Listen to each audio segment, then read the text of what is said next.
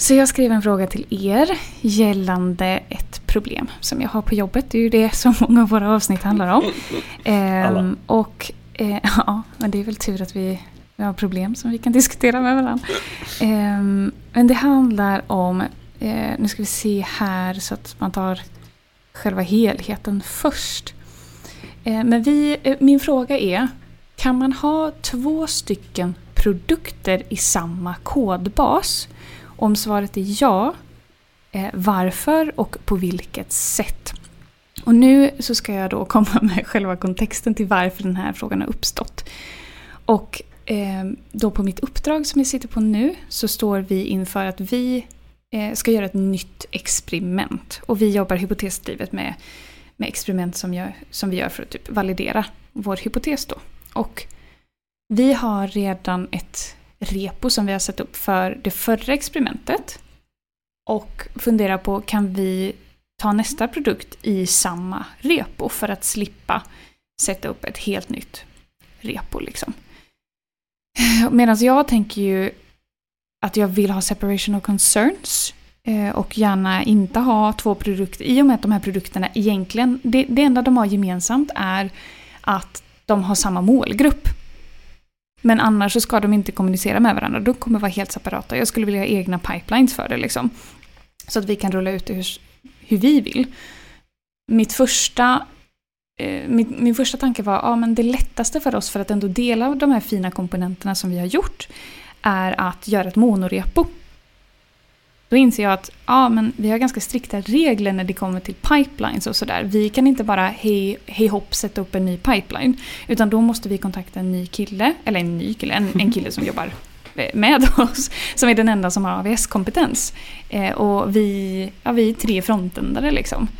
Eh, och då var nästa eh, scenario då att sätta upp ett nytt repo så att vi får en ny pipeline. Men då är det massa boilerplate och vi har det här Eh, andra problemet med att vi har komponenter som vi vill återanvända som då måste in i ett, eh, ett NPM-paket som vi behöver skjuta upp. Och liksom, det är en massa annat arbete med det. Och då är det tredje alternativet som vi då lutar mot att eh, ja, men försöka göra så mycket separation of concerns som vi kan i det repot som vi har, alltså med filstruktur och mappar och sådär. Men att typ superhacka indexfilen till att liksom servera olika saker beroende på vilken URL det handlar om. Ehm, jag tycker själv att det, det känns som det bästa givet omständigheterna då. För vi har också ett, ett litet problem om att eh, uppdraget som vi sitter på har precis blivit uppköpta. Så vi vet liksom inte riktigt hur länge vi kommer få jobba med de här sakerna. Så då känns det också dumt att liksom ta långsiktiga beslut. Så min fråga är ju fortfarande den här är, är det rimligt att göra på det här sättet? Kan man ha två produkter i samma repo utan att ha någon form av... Alltså ett monorepo är ju ändå flera repos på samma ställe. Nu är det i samma kodbas. Det blir lite så här, oh, hur gör vi för att det inte ska bli en monolit här och råka blanda komponenter hej vilt mellan de här två produkterna. Um, men, men, Ser ni andra alternativ? Nu, nu har jag pratat länge. Ja, eh, för, första frågan då. Alltså två experiment. Är de långlivade? Har den ena, har den första dött eller vad är?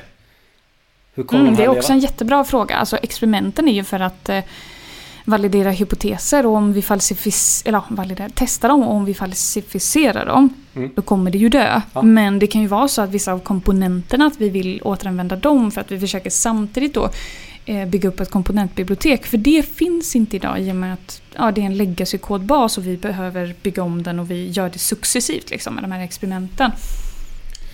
Men ni har scenariot, ni har en självständig app som, som kanske Alltså det första experimentet halvlever fortfarande. Mm.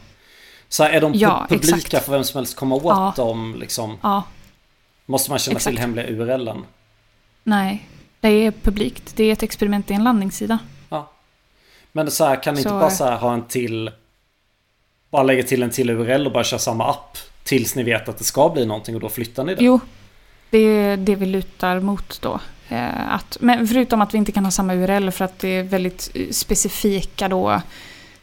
Eh, i den URLen som vi har, för att jag försöker vara vag här för att inte outa vilket uppdrag det handlar om. Eh, men i den URLen är det väldigt specifikt riktat mot den produkten. Liksom. Eh, och, så vi kan inte använda samma URL för nästa produkt. Mm. För att det blir konstigt. Det blir jättekonstigt. Jag fattar. Mm. Men det är därför vi tänker att om vi har ett nytt domännamn som vi också servar via AVS, liksom, då kan vi ju åtminstone serva samma app, men att den på något sätt fattar vilken URL det är, I guess. Kan man göra det? Eller måste det vara samma, liksom, samma domän på det hela? Alltså, kör ni AVS så är det ju ofta så här, det istället ni laddar upp koden till är bara en code storage, den som heter S3. Mm. Sen så lägger man ett CDN-lager ovanpå och då kan det ju ha liksom att olika liksom då kan, då kan det ju routinglagret styra att går du till den här URLen så ska man hämta upp den här filen. Då kan ni teoretiskt sett ladda upp två stycken index.html i mappar bredvid varandra i bucketen. Hm. Och bara lösa det, det i CloudFront.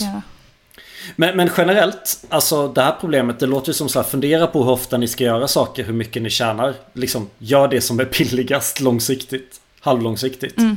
Jag menar skulle du säga vi ska göra tusen experiment. Då skulle jag säga gör en template med liksom infrastrukturen. Så liksom att sätta upp infrastrukturen i AVS ingår i den här templaten. Och pipelinen kommer mm. på en gång och hela faderullan. Men det låter ju inte som att det är rätt svar.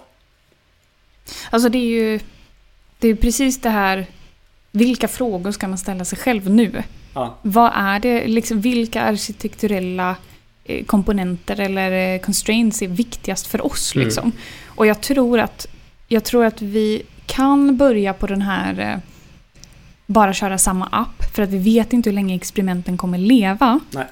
Och därmed eh, kunna skjuta det beslutet på framtiden så länge vi gör det med så modulär kod som möjligt och inte blandar skit som inte har med varandra att göra så tror jag att, eh, att vi har mycket att vinna på, på att lära oss. Det enda jag ser är att vi kommer få fler experiment. Vi har bara varit dåliga på att definiera experimenten hittills. Så det har blivit ett gigantiskt tre månaders experiment istället för liksom sprintbaserade eller liksom lite mer iterativa experiment. Så ehm, det är väl mer så här, det, det, här är ju inte ens hållbart med två experiment till. Nej. Um, så jag tänker att å andra sidan så blir det ju också att man får data. Liksom. Låt oss säga att vi gör tre experiment till i samma repo och lär oss av hur det ser ut. Eh, då kan man ju sen bestämma, typ, ja men tror vi att monorepo passar oss här? För att allting har med experiment att göra. Eller tror vi att ett polyrepo skulle vara bättre? Ehm, så då, ja, då abstraherar man inte för tidigt. Liksom. Mm. Men det är ju också, jag är så jävla rädd för spaghetti för jag har varit i alldeles för mycket spagettikod nu det senaste. Så ja. Ja, intressant. Ja, det, var, det var problemet i alla fall. Ja. Men det känns skönt att ni ändå lutar mot samma. Du, du kan problemet. Ta det som är lagom billigt, liksom långsiktigt. Ta en lagom stor investering. Mm. Ja, Jag tror att det kommer bli det där sistnämnda då.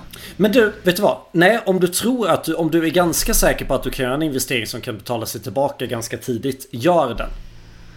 Okej. Okay. För alltså är det någonting som, är det någonting jag är nöjd med på mitt nuvarande uppdrag? Att jag, vi skulle göra ett mikrofronten-kluster. Att det, bland de första sakerna jag gjorde, när vi hade gjort tre mikrofronten där. Då skapade vi en template. Så alla mikrofronten där är liksom forkade från samma template-repo. Ja, det är faktiskt intressant för jag har också tänkt på så templates men det, då blir jag också rädd för att eller beroende på hur man gör en template då, men jag tänker att det är typ ett, ett repo som man forkar. Men vad händer då med typ dependencies och till exempel versionen av NextJS? Låt oss säga att vår template är en NextJS-app. Vill man inte hellre göra det till typ ett skript som då också installerar senaste versionen av det som är NextJS. För jag är rädd att man har en template som blir förlegad istället. Liksom. Är du med? Vi, vi är aktivt maintainar ju templaten istället. Uh, ja. Vi kör sing, vi kör microfronten så templaterna ligger lite vid sidan om. Eller säger dependencyerna mm. ligger lite vid sidan om. Okay. Men vi maintainar ju den och ber folk att rebasa på upstream mastern. Mm. Så de kan, de kan liksom synka med templaten på det sättet. Men ett script mm. är också görbart. Men vet du vad jag tycker? Ja, vi är ju så himla få. Eh, så det, då, det blir liksom för mycket nog för oss att också maintaina den. Samtidigt som vi ska göra alla de här experimenten. Ja. Vi, vi maintainar genom att man gör något bra i en microfronten så flyttar man det till templaten. Mm. Eller i mitt fall ja, när jag håller på lägga till komplettera vår end-to-end testing med code coverage. Då bör man lägga till lite saker respektive microfronten. Då behöver jag bara dumpa mm. det vid template och be de andra synka med den. Men mm. jag tycker vi ska hoppa in på dagens ämne. Mm. Ja.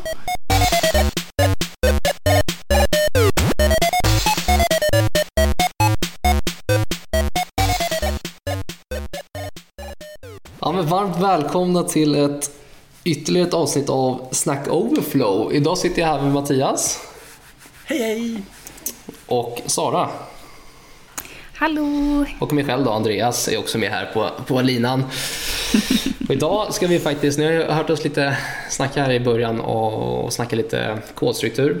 Och eh, gå egentligen in på vårt, vårt nuvarande ämne som är egentligen vad, vad bra kod är. Och finns det bra kod eller är det bara preferenser som vi springer runt på våra uppdrag och, och trycker ner i våra kollegors halsar när vi granskar varandras kod? Eller finns det faktiskt bra kod? Så jag tänkte vi kan väl dyka in i det ämnet um, rätt, rätt snabbt. Och egentligen, grunden var ju jag som ville prata om det ämnet. Och jag tycker att i början av min karriär då tyckte jag att man, man tryckte så himla mycket liksom på clean code, man tryckte på alla de här tre eller fyra bokstavsförkortningarna, Keystry, Solid, Jagni, jaha, vi kommer gå in och förklara dem om en stund. Men jag tycker att numera när man sitter och liksom utvecklar med sina kollegor så tycker jag att det, det handlar inte så mycket om principer längre. I alla fall inte de projekten jag är med i utan det handlar mest om preferenser på den som granskar koden. Att den lägger in så mycket egna värderingar i så här bör vi bygga men kanske inte alltid har argument för varför man bör bygga utan det är bara en, en känsla och en preferens. Mm. Mm. Är det någonting som ni, ni känner igen? Jätte, jättemycket. Uh, och jag, vet, jag, jag har en känsla av att jag och Mattias tycker lite olika här. Gud vad roligt. ja, men jag, jag på något sätt, jag är väldigt datadriven som person och om jag inte kan förklara saker för mig själv då blir jag också så här, okej okay, men då kanske jag har fel. Mm. Eh, och därför blir jag väldigt irriterad eh, när det kommer eh, när det kommer på en PR, en preferens som vi inte har diskuterat innan och speciellt när det är så här, ja men nu måste du ändra detta för att jag blockar den här PRen medan jag då kanske har väldigt många argument för varför jag har skrivit min kod som jag har gjort. Medan den andra har bara, nej men det här är min, min upplevelse och min känsla. Mm. Det är en helt annan sak om preferensen är faktiskt grundad i någon form av argument. Om den så är tagen från clean code eller någon annanstans ett eget resonemang. Liksom.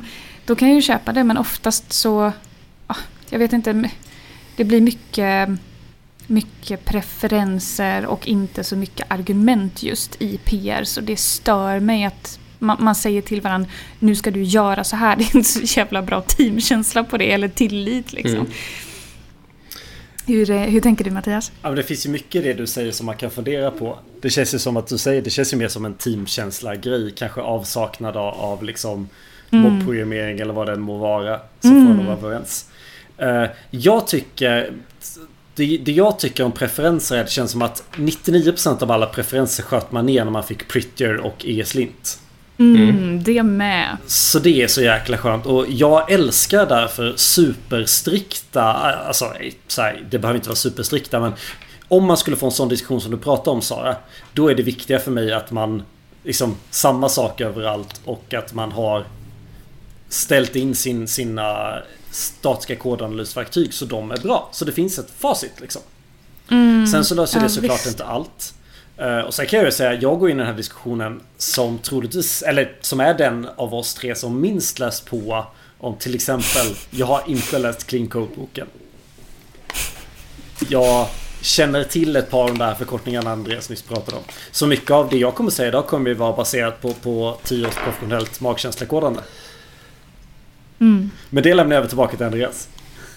Jag, jag, tycker väl lite som du är inne på Mattias, det är väl klart att när man liksom började med Prettier och, och alla liksom härliga liksom verktyg som vi har så, så togs ju ett, en del av hindren bort. Men jag kan, jag kan ibland, eller väldigt ofta, det, det händer veckovis om inte, om inte dagligen ärligt talat eh, numera. När man, när man sitter i, liksom, i storskaliga projekt, jag har en tendens att hamna i stora bolag och då finns det ofta stora liksom, ja, stora organisationer som vill sätta stora riktlinjer som ja, ska gälla på alla. Som, inte, mm. som är kanske inte så individanpassat eller teamanpassat. Så då, då tar man, man toppstyrt och så trycker man ner det. Eh, så finns det en organisation som har bestämt. Men då tycker jag oftast att det det kommer väldigt mycket preferenser. Jag sitter just i en sån klausul, eller ett sånt, mm. en, ja, ett sånt problem just nu. Att jag vi håller på och bygger egentligen komponenter för ett komponentbibliotek. Och då finns det um, x antal personer som i default liksom ska, ska granska den här koden som man, man lägger PRs på. Och jag vet att det, där finns det lite, lite olika liksom, personer finns med olika erfarenheter och kompetenser. Men då, då har jag hamnat i en liten pingismatch just nu. Eh, och är det, är det code, eller så här, comment war i PRn liksom? Ja, eller är precis. Det... Eller det kommer bli i alla fall den här PRn. För jag vet exakt. Oh, jag, jag satt i en par programmeringssession igår och byggde klart den här komponenten som jag sa, ah, det, här, det här blir superbra liksom. Um, så vet jag att det kommer bli en pingismatch mellan de här två personerna i den här PRn. Och det tycker jag är lite så här, det, de, det, det är typ argument som baseras på preferenser och det är inte liksom saker som baseras på att okej, okay, gör vi så här så finns det den här problematiken, gör vi så så finns den här problematiken, utan det är enbart mm. känslostyrt. Men har du ett exempel? Har du något exempel här? Jag skulle säga det. Får du lov att liksom eh, förklara mer i detalj vad det handlar ja, om? Ja, men här kanske det handlar lite mer om accessibility-perspektiv egentligen. Så här, vad för typ ja. av liksom, HTML-semantik man ska använda i vissa situationer. Och båda liksom Båda vägarna går att använda utifrån den här accessibility. Det är inget som säger liksom bu eller bä mot något håll av mm. det. Men eh, det är ett sånt typ exempel att där, kommer, där är en liten pingismatch mellan de här två. Mm. Har ni gjort någon form av så parprogrammering eller mm, bestämt några form av principer tillsammans som team innan? Eller är det här, eh, så här första gången ni börjar prata om det? Jag kom ju in i det här teamet, jag är enda webbutvecklaren, men man, på det här uppdraget så ingår man i ett, ett stort eh, en stor gruppering som är en hel organisation av, mm. av frontendutvecklare. Så man har liksom hela organisationen med sig, även fast man inte jobbar med dem så är det de som de sitter och granskar och man, alla är liksom i samma kodbas i ett monorepo. Så mm. alla, alla berörs ju av varandras kod, ish. Så, men, men svar på frågan, nej, det har vi väl inte gjort. Inte i alla fall när jag kom in. Det, kanske, det här har ju funnits ett tag, så det kanske gjordes på den tiden mm. när, när grunderna satts. Mm. Men. Min upplevelse är i alla fall liksom att det blir mer comment wars ju mindre teamkänsla man har. Eller ju mindre man har mm. diskuterat och pratat och planerat tillsammans. Liksom. Ja, precis. Jag tycker det, jag gillar ju det att teamet får liksom av, avväga vad som är bra kod, liksom vad som funkar. Jag förstår varför den här organisationen har satt eh, att det ska vara liksom folk i andra konstellationer som ska komma in och granska. Jag förstår det, men det medför också till att det blir så otroligt långa utdragna processer i det. Och som du säger Sara, att ja, men de har inte koll på vad jag bygger och jag har inte koll på vad de bygger och så ska man ge input på vad som funkar och inte funkar. Mm. Det blir ju lite, lite kul. Men jag tänkte att vi skulle backa bandet lite. Och eh, vi nämnde ju de här härliga förkortningarna i början som vi alla liksom, det, kommer ju, det tillkommer ju några tycker jag varje månad eller varje vecka. Det, men jag tänkte att vi skulle bara förklara dem som vi nämnde i början. Så jag tänkte Sara, du, kan ju, mm. du brukar vara bra på sådana här förklaringar. Så jag tänkte, oj, oj, oj, oj. du läser ju så mycket så jag tänkte att det, det här borde vara ditt område. Jo, men jag kan några stycken. Ja, men vi, vi, kan ju, vi kan ju bolla lite mellan varandra. Men jag tänker om du börjar med den första då, KISS-principen. Vad, vad betyder Kiss. det? Keep it, keep it simple stupid. Eh, och refererar till att eh, man ska göra den enklaste lösningen. Mm. Och inte försöka göra det allt för komplicerat från början. Mm. Jag tänker vi bränner igenom det här och sen kan vi ha en diskussion efter det. Hur låter det? Mm. Mm. Och sen går vi vidare till drive-principen. Mm. Det, det, känns som läxförhör. Eh, dry är ju att eh, Don't repeat yourself står det för. Mm. Och eh, är till för att vi ska skapa så modulär kod som möjligt egentligen och inte ha samma kopierade kod på flera ställen som kan skapa jobbigheter när vi vill ändra i den funktionen och så måste vi ändra på så många olika ställen och det är lätt att glömma någonting. Mm. Den tredje, Jagni. Jagni, you ain't gonna need it. Och den här tycker jag är jätteintressant och eh, går lite liksom emot drive-principen på ett sätt. Eh, men eh, det står, ja, det man menar med Jagni är ju att man vill inte abstrahera för tidigt. För att det kan bli väldigt jobbigt, alltså det kan bli fel abstraktion, det kan bli svårare att förstå. Eh, så ett sätt att combat Jagni är att faktiskt kopiera funktioner tills du har några stycken likadana men du är medveten om det. Så att du sen kan göra bra abstraktionsnivåer på det. Mm. Och så sista principen då, AHA. AHA, det står för Avoid hasty abstractions och det går ju också ihop med Jagni då, liksom att eh, på något sätt eh, inte abstrahera för tidigt för att det är nästan värre än att ha duplicerad kod. Mm. Så Dry är ju ett lite äldre koncept än vad både Jagni och eh, AHA är om jag har förstått saken rätt. Precis. Sen finns det en, en princip till här som Mattias var väldigt, väldigt benägen att påpeka. som jag, som jag, jag tror att den har påverkat mig och Mattias mer eftersom vi, vi kommer mm. båda från .NET-världen från början. Mm. Mm. Men det är ju solidprincipen. Jag vet inte om vi ska... Du får jättegärna förklara den i, eller i mer i detalj för jag vet inte om jag känner till den jätteväl som de andra. Liksom. Mm. Mattias, är det någonting som du vill ge dig in på? Nej. Nej. Nej. Absolut inte. Nej. Jag kan förklara några i alla fall. Um, S består ju egentligen för Single Responsibility Principle. Och det är mm. som det låter, att det betyder att egentligen en klass ska endast ha ett enda ansvarsområde. Vi ska mm. inte hålla på med massa annat fuffens.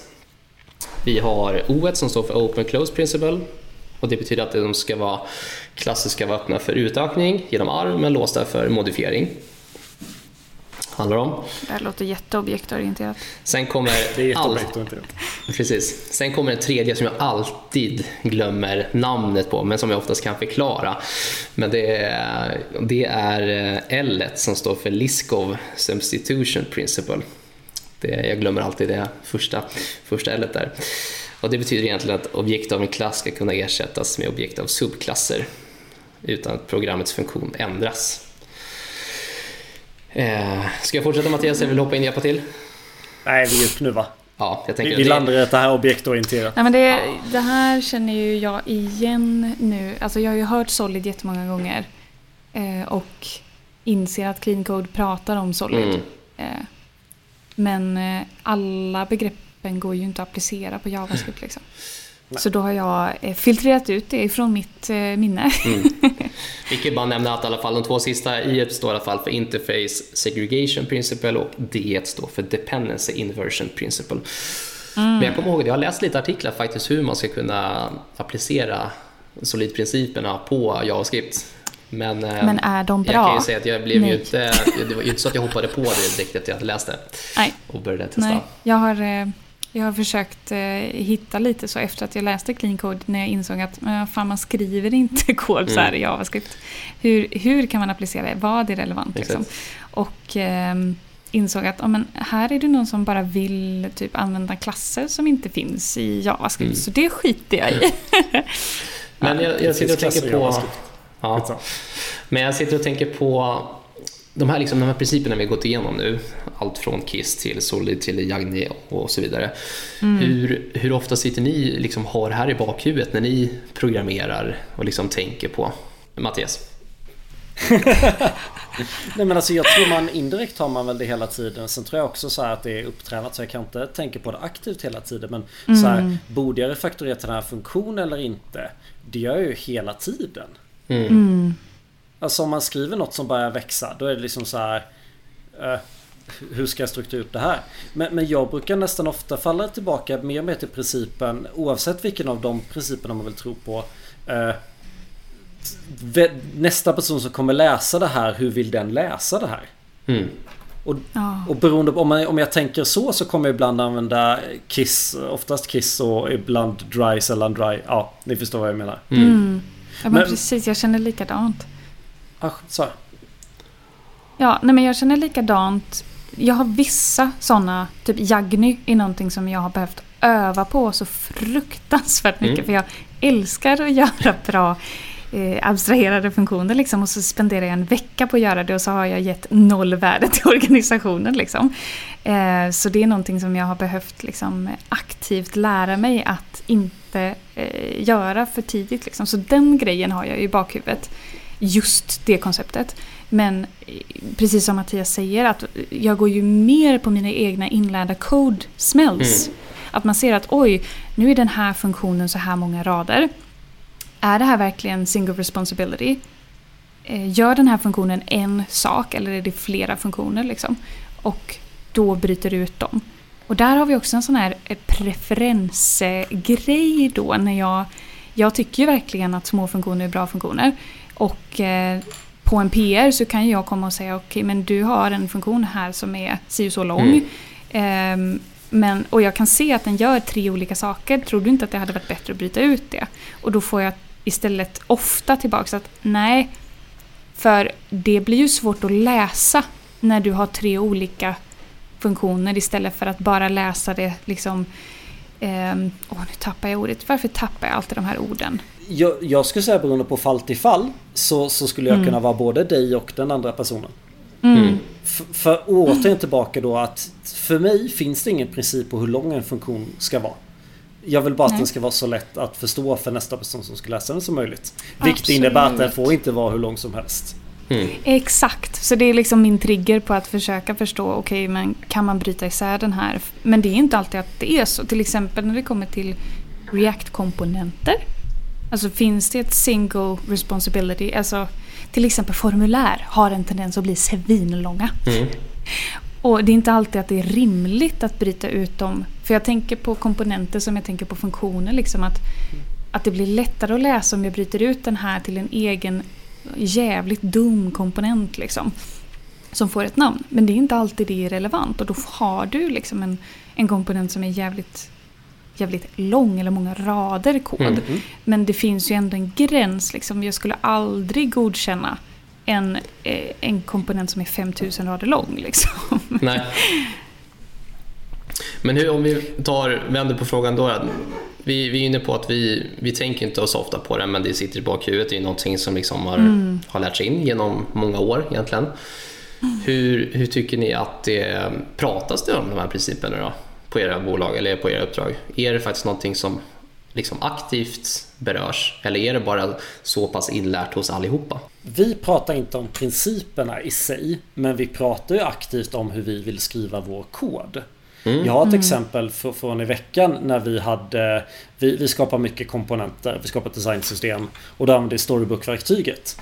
Men nu har vi kommit så långt att vi har lägger på ett abstraktionslager ovanpå Storybook för det är oftast vi skickar exakt samma properties. Halva Storybook-filen är bara application från andra. Så nu lägger vi på ett abstraktionslager där. Så nu bör man lära oss hur vi gör Storybook. Vilket då är dumt om man bara är inne någon enstaka gång. Eller kan Storybook. Men om du inte kan Storybook och vill göra helt rätt på vårt sätt. Så har vi lagt ett mm. abstraktionslager där. Så vi har inte skap pratat om vilken princip det var. Men vi har ju tillsammans kommit fram till att vi vill ha ett abstraktionslager. Ni diskuterar inte utifrån principerna, men ni diskuterar hur ni vill ha koden och hur ni vill ha koden på ett bra sätt. Vad, vad baserar ni argumenten på? Är det, är det då en känsla? Eller vad, vad använder ni för, för mått egentligen för att se att det här är någonting bra som vi bygger? Mm. Alltså, nu tänker jag hijacka, höll på att säga. Men eh, att eh, jag använder nog kanske jag använder ändå principerna mm. och diskuterar det med mina kollegor. Men det är också väldigt olika vilket uppdrag du sitter på liksom. Och framförallt i en code review, om någon tycker att jag ska göra annorlunda mm. och jag tycker att de har fel. Då kommer jag ju med mina argument kring ja, men Jagni, Dry, inte solid då, men eh, single responsibility principle det är någonting som jag jobbar mycket, eller försöker göra. Liksom. Mm. För det är någonting som man ändå kan applicera i, i JavaScript och React-världen. Och även så, jag är den där som kommer kommentera på ditt eh, variabelnamn. Liksom. Just det. ja, eh, sån, sån är jag.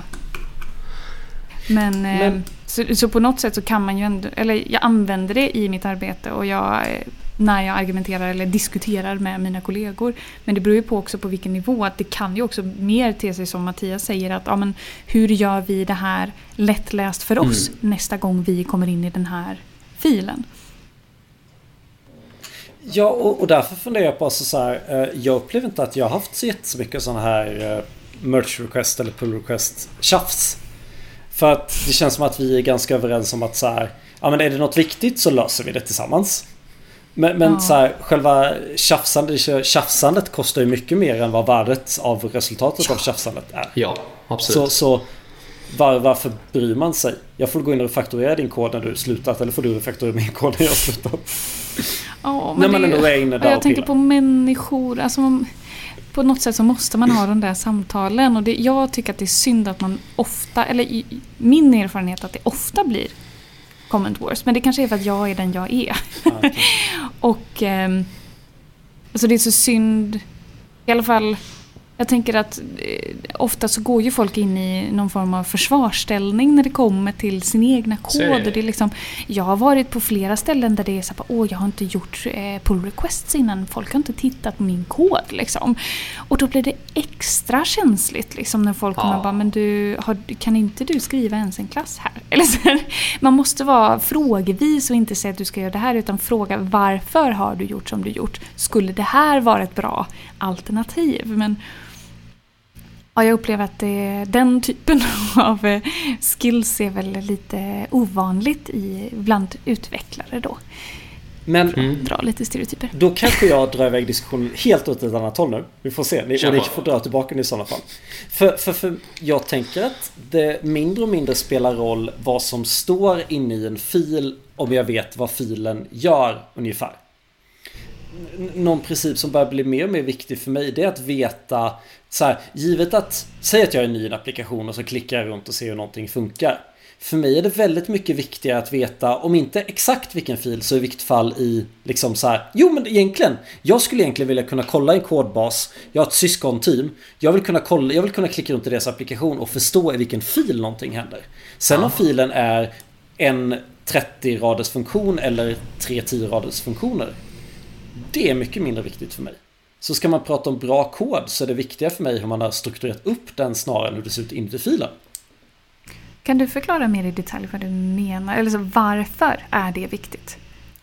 För, för att eh, det är viktigare... Säg att jag ska lägga till någonting. Och, och mm. jag, utgår nog mycket från principen att jag är hyfsat ny i kodbasen. Mm. Om jag ska lägga till ett nytt krav av någon typ. Då vill jag inte börja leta var det borde göras.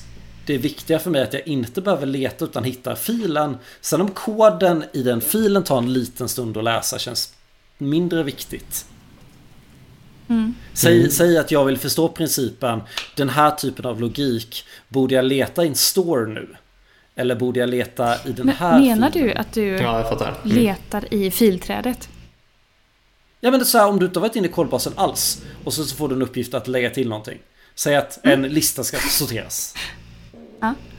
Du, för jag, jag är sån här, jag, jag har inte tid att gå och leta i ett filträd. Jag söker efter filen så som jag tror att den heter eller så söker jag efter någon snuttkod som jag vet ligger ungefär där jag behöver vara. Mm. Så för mig så är det så här, jag är väldigt, väldigt sällan i filstrukturen. Förutom när det är så okej, okay, nu vet jag att det är den här filen och jag behöver komma till testfilen. Så då går jag till filstrukturen för jag vet att så som jag tycker att man ska strukturera upp koden enligt domäner, liksom, mm. då vet jag att testfilen kommer ligga intill. Men, men... Eh, och jag, jag förstår, jag köper det du säger liksom att på något sätt så måste det vara väldigt tydligt vad filen gör så att jag vet vart jag ska gå. Men sen så kommer det ju till nästa problem. Vilket är, om jag ska faktiskt lägga till kod här. Och om det är svårt att läsa den koden så kommer det vara svårt att veta att du ett har lagt det på rätt ställe. Och två, att den gör det den ska utan att göra sönder någonting annat. Men då faktiskt, du förstärker snarare mitt argument då. För du säger, du har inte ens tid att leta i filstrukturen. Du vill veta exakt vad filen ska heta. Alternativt söket stämmer kanske inte, men att du vill veta vad filen ska heta. Ja men precis, det är ju, ja, jag säger inte att jag säger emot ja, du, du förstärker mig. köper liksom ja, ja. att eh, filen behöver ha ett bra namn. Men jag tycker inte att det är det enda. För att det är inte filen jag ska ändra namn på utan jag ska lägga till kod i den filen. Och då behöver filen också vara förståelig såklart. Och såklart. framförallt liksom, men samtidigt så här, Jag sitter ju nu på ett uppdrag med den mest... Ja, det är legacy spagettikod liksom. Och det är knappt så att man förstår flödet av koden. Och det enda sättet för mig att hitta saker är att söka efter någonting som jag kan se är renderat i i webbläsaren. Liksom. Det är inte, de har inte IDn utan det är hårdkodad eh, kodad text liksom, som jag får söka reda efter för att sen eventuellt hitta vart datan kommer ifrån via templaten. Liksom. Och om, du, istället, om du hade fått välja då? Om du hade fått välja på en fantastisk filstruktur eller fantastisk kod i en enda stor fil? Eller i de filstrukturerna ni har? Nej, skitsamma, du behöver inte svara. Ja, nej, men det, det, är en intressant fråga liksom, men samtidigt. Det blir ju också, det blir inte så mycket separation of concern som du har alltid samma fil. Även om det är massa små funktioner där. Eller? Det kanske blir? Alltså jag, jag menar att båda är viktigt. Ja, eh, absolut. Men vad är viktigast? Mm. Ja, men jag ska ta ett exempel för, för, från mitt nuvarande uppdrag. Då. Uh, vi har en konvention att om backen skickar data som inte riktigt klienten behöver, att man behöver aggregera det. Då sker det i liksom så här, då sker det i ett lag, då sker det i en mapp som heter API och filen heter samma sak som, som API heter. Mm. Mm. Och så kan det finnas flera liksom så här, om det finns flera kuddar på det hoppet så det kan finnas flera backarna ihop. Men ni förstår principen. Mm. Då sker mappningen mm. där också. Så jag behöver liksom inte... språk liksom. Så jag vet att den typen av mappning behöver jag aldrig leta i en store. Till exempel. Mm. Mm. Sen har vi inte stores heller. Men det kan ni gå tillbaka till ett gammalt avsnitt och lyssna på att jag hatar stores. Jajamän. Ja men om vi går vidare lite då. Jag tänker att vi, vi var inne och snuddade lite på, på ämnet med abstraktion här egentligen. När mm. ska man liksom abstrahera och när ska man inte? Den är, den är en väldigt bred fråga. Men jag tänker om ni har några liksom specifika preferenser eller några riktlinjer som ni brukar utgå ifrån när ni ja, om ni ska refaktorera en, en kod, kodbas eller om ni ska abstrahera något. Har du några? Om jag följer några specifika ja. riktlinjer eller mått när jag abstraherar. Jag tycker jag brukar också hamna i den fällan väldigt ofta att jag, jag går full bananas på att abstrahera. Liksom. Så plötsligt sitter jag och kollar på min kod och har alldeles för mycket filer och alldeles för mycket funktioner. Mm. Och så tänker jag det här var ju väldigt idiotiskt, ärligt talat. Eh, det var ju supermodulärt, det går ju att flytta runt och byta ut men eh, vad, vad, vad är för nytta egentligen? Mm. Så du brukar alltid, eller jag brukar hamna i den, den fällan ja, men väldigt ofta när jag kommer in i ett projekt. Då brukar jag så här, bara abstrahera. Jag tror att det handlar om att jag inte vet hur kodbasen ser ut och jag vill, jag vill kolla och jag vill prova liksom och se vad, vad gränserna går och vad som funkar och inte funkar. Men eh, då brukar jag i alla fall backa på det. Så egentligen var gränsen går för mig, jag, jag går väldigt hårt på, på läsbarheten på koden. Jag går alltid, liksom, om, jag, om jag har en kollega som aldrig har sett koden förut, om den kan förstå och läsa den och den liksom är så pass modulär så att den ändå liksom, ja det går lätt att, att rycka saker och sätta in saker, det brukar jag tänka. Då, då tycker jag det är good enough för mig. Men jag har inga så specifika mm. mått. Men um, ja, det är väl det. Jag har ju jättedum heuristik för det här. Ja. Det är att det är okej att copy-pasta en gång. Men när du gör samma sak på tredje stället, då måste du generalisera det. Ja, det är, det är typ så jag tänker också. Ja. Ja. Men, men annars också tillbaka på läsningen. Men, men Sara ska få svara på den först för sen ska jag, jag, jag har en spaning. Så Sara får svara först, sen kommer min spaning. Um, jag brukar, som du Mattias, kopiera, alltså om jag märker att okej, okay, jag behöver ha den här funktionen igen. Den är lite annorlunda. Och jag är inte klar, jag har precis börjat på den här storyn eller liksom eh, jag vet om att jag kommer vara kvar här en liten stund. Mm. Så brukar jag eh, också vänta tills tredje gången som jag gör någonting.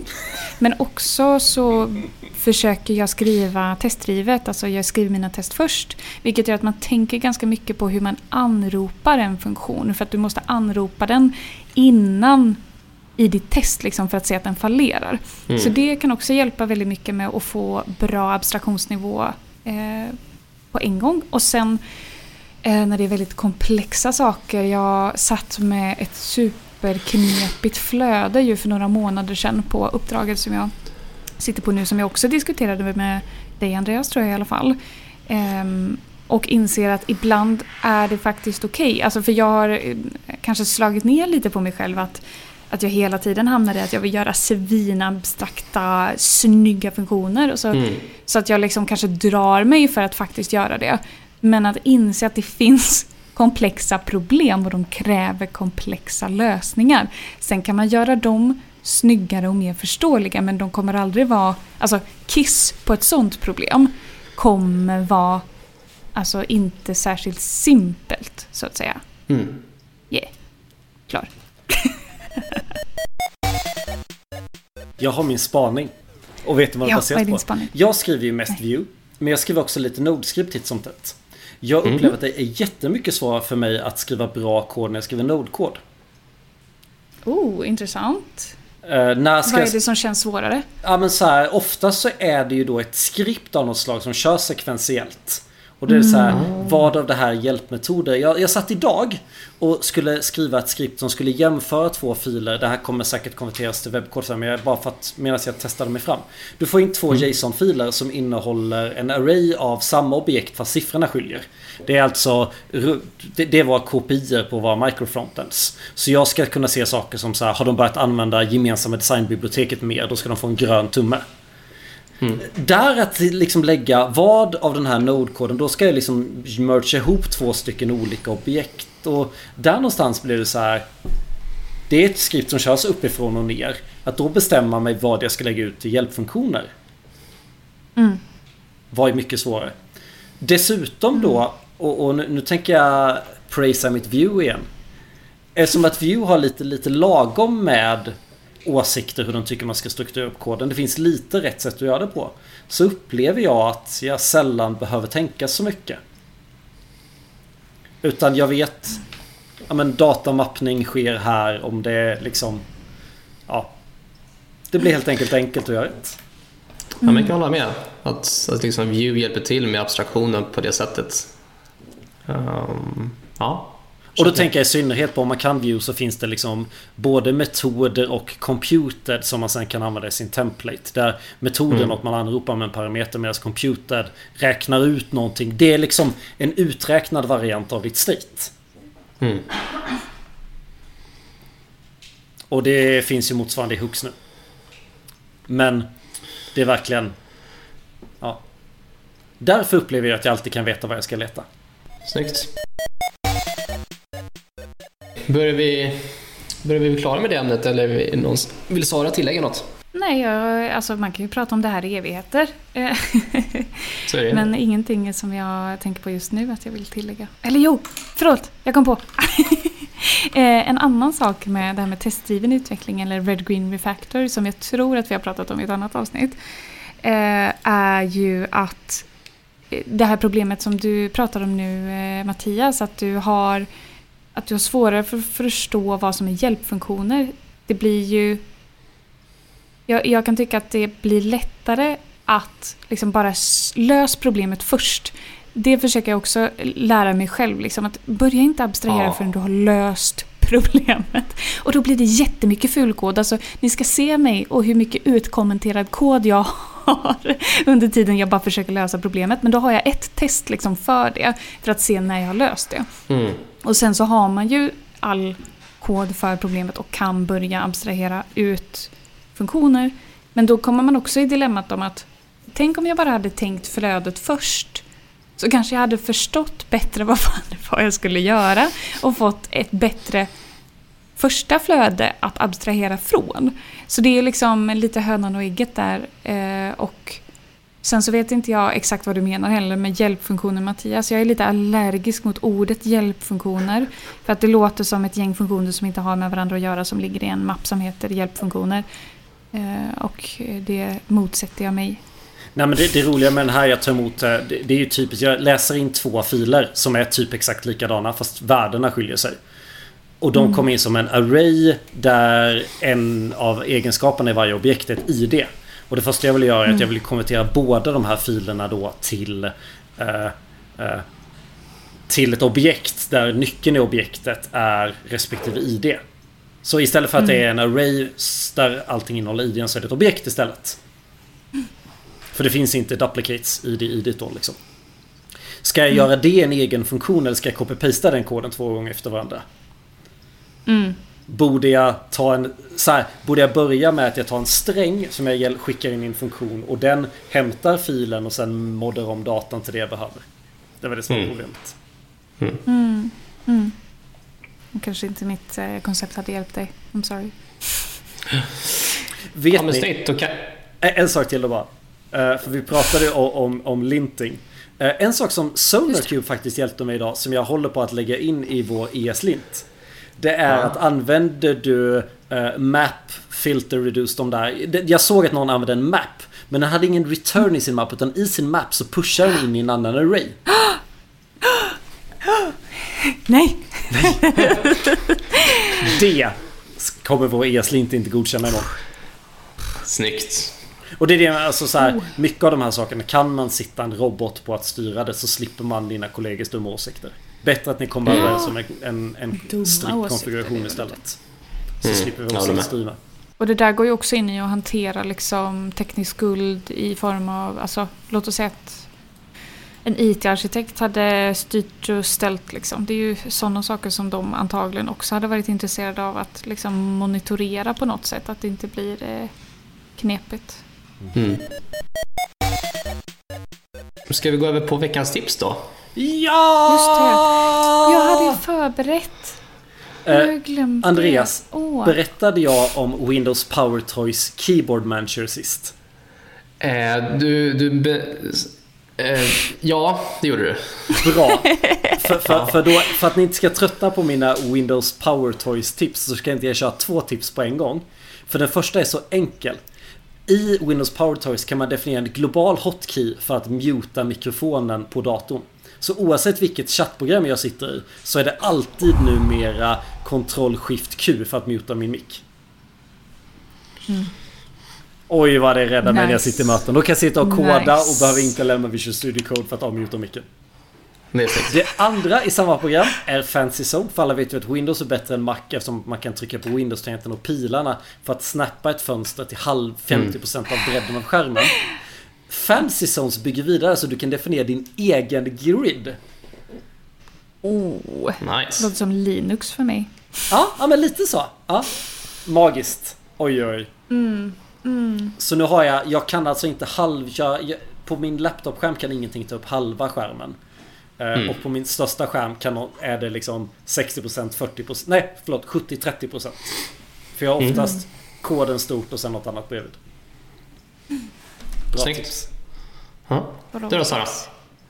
Ja, alltså som sagt jag hade ju förberett någonting men eh, kommer inte exakt ihåg vad det var. Så jag försöker tänka på vad har jag gjort den senaste veckan eller vad har jag lärt mig den senaste veckan. Eh, och jag tror att jag håller på att lära om lära mig om igen om vanor som är någonting som jag försöker hacka. Jag tror säkert att jag har berättat om detta tusen gånger innan. Jag kommer inte ihåg vad jag har sagt. Men eh, jag vill tipsa om en bok som heter Atomic Habits. Som är mm. den bästa boken om vanor som jag har läst.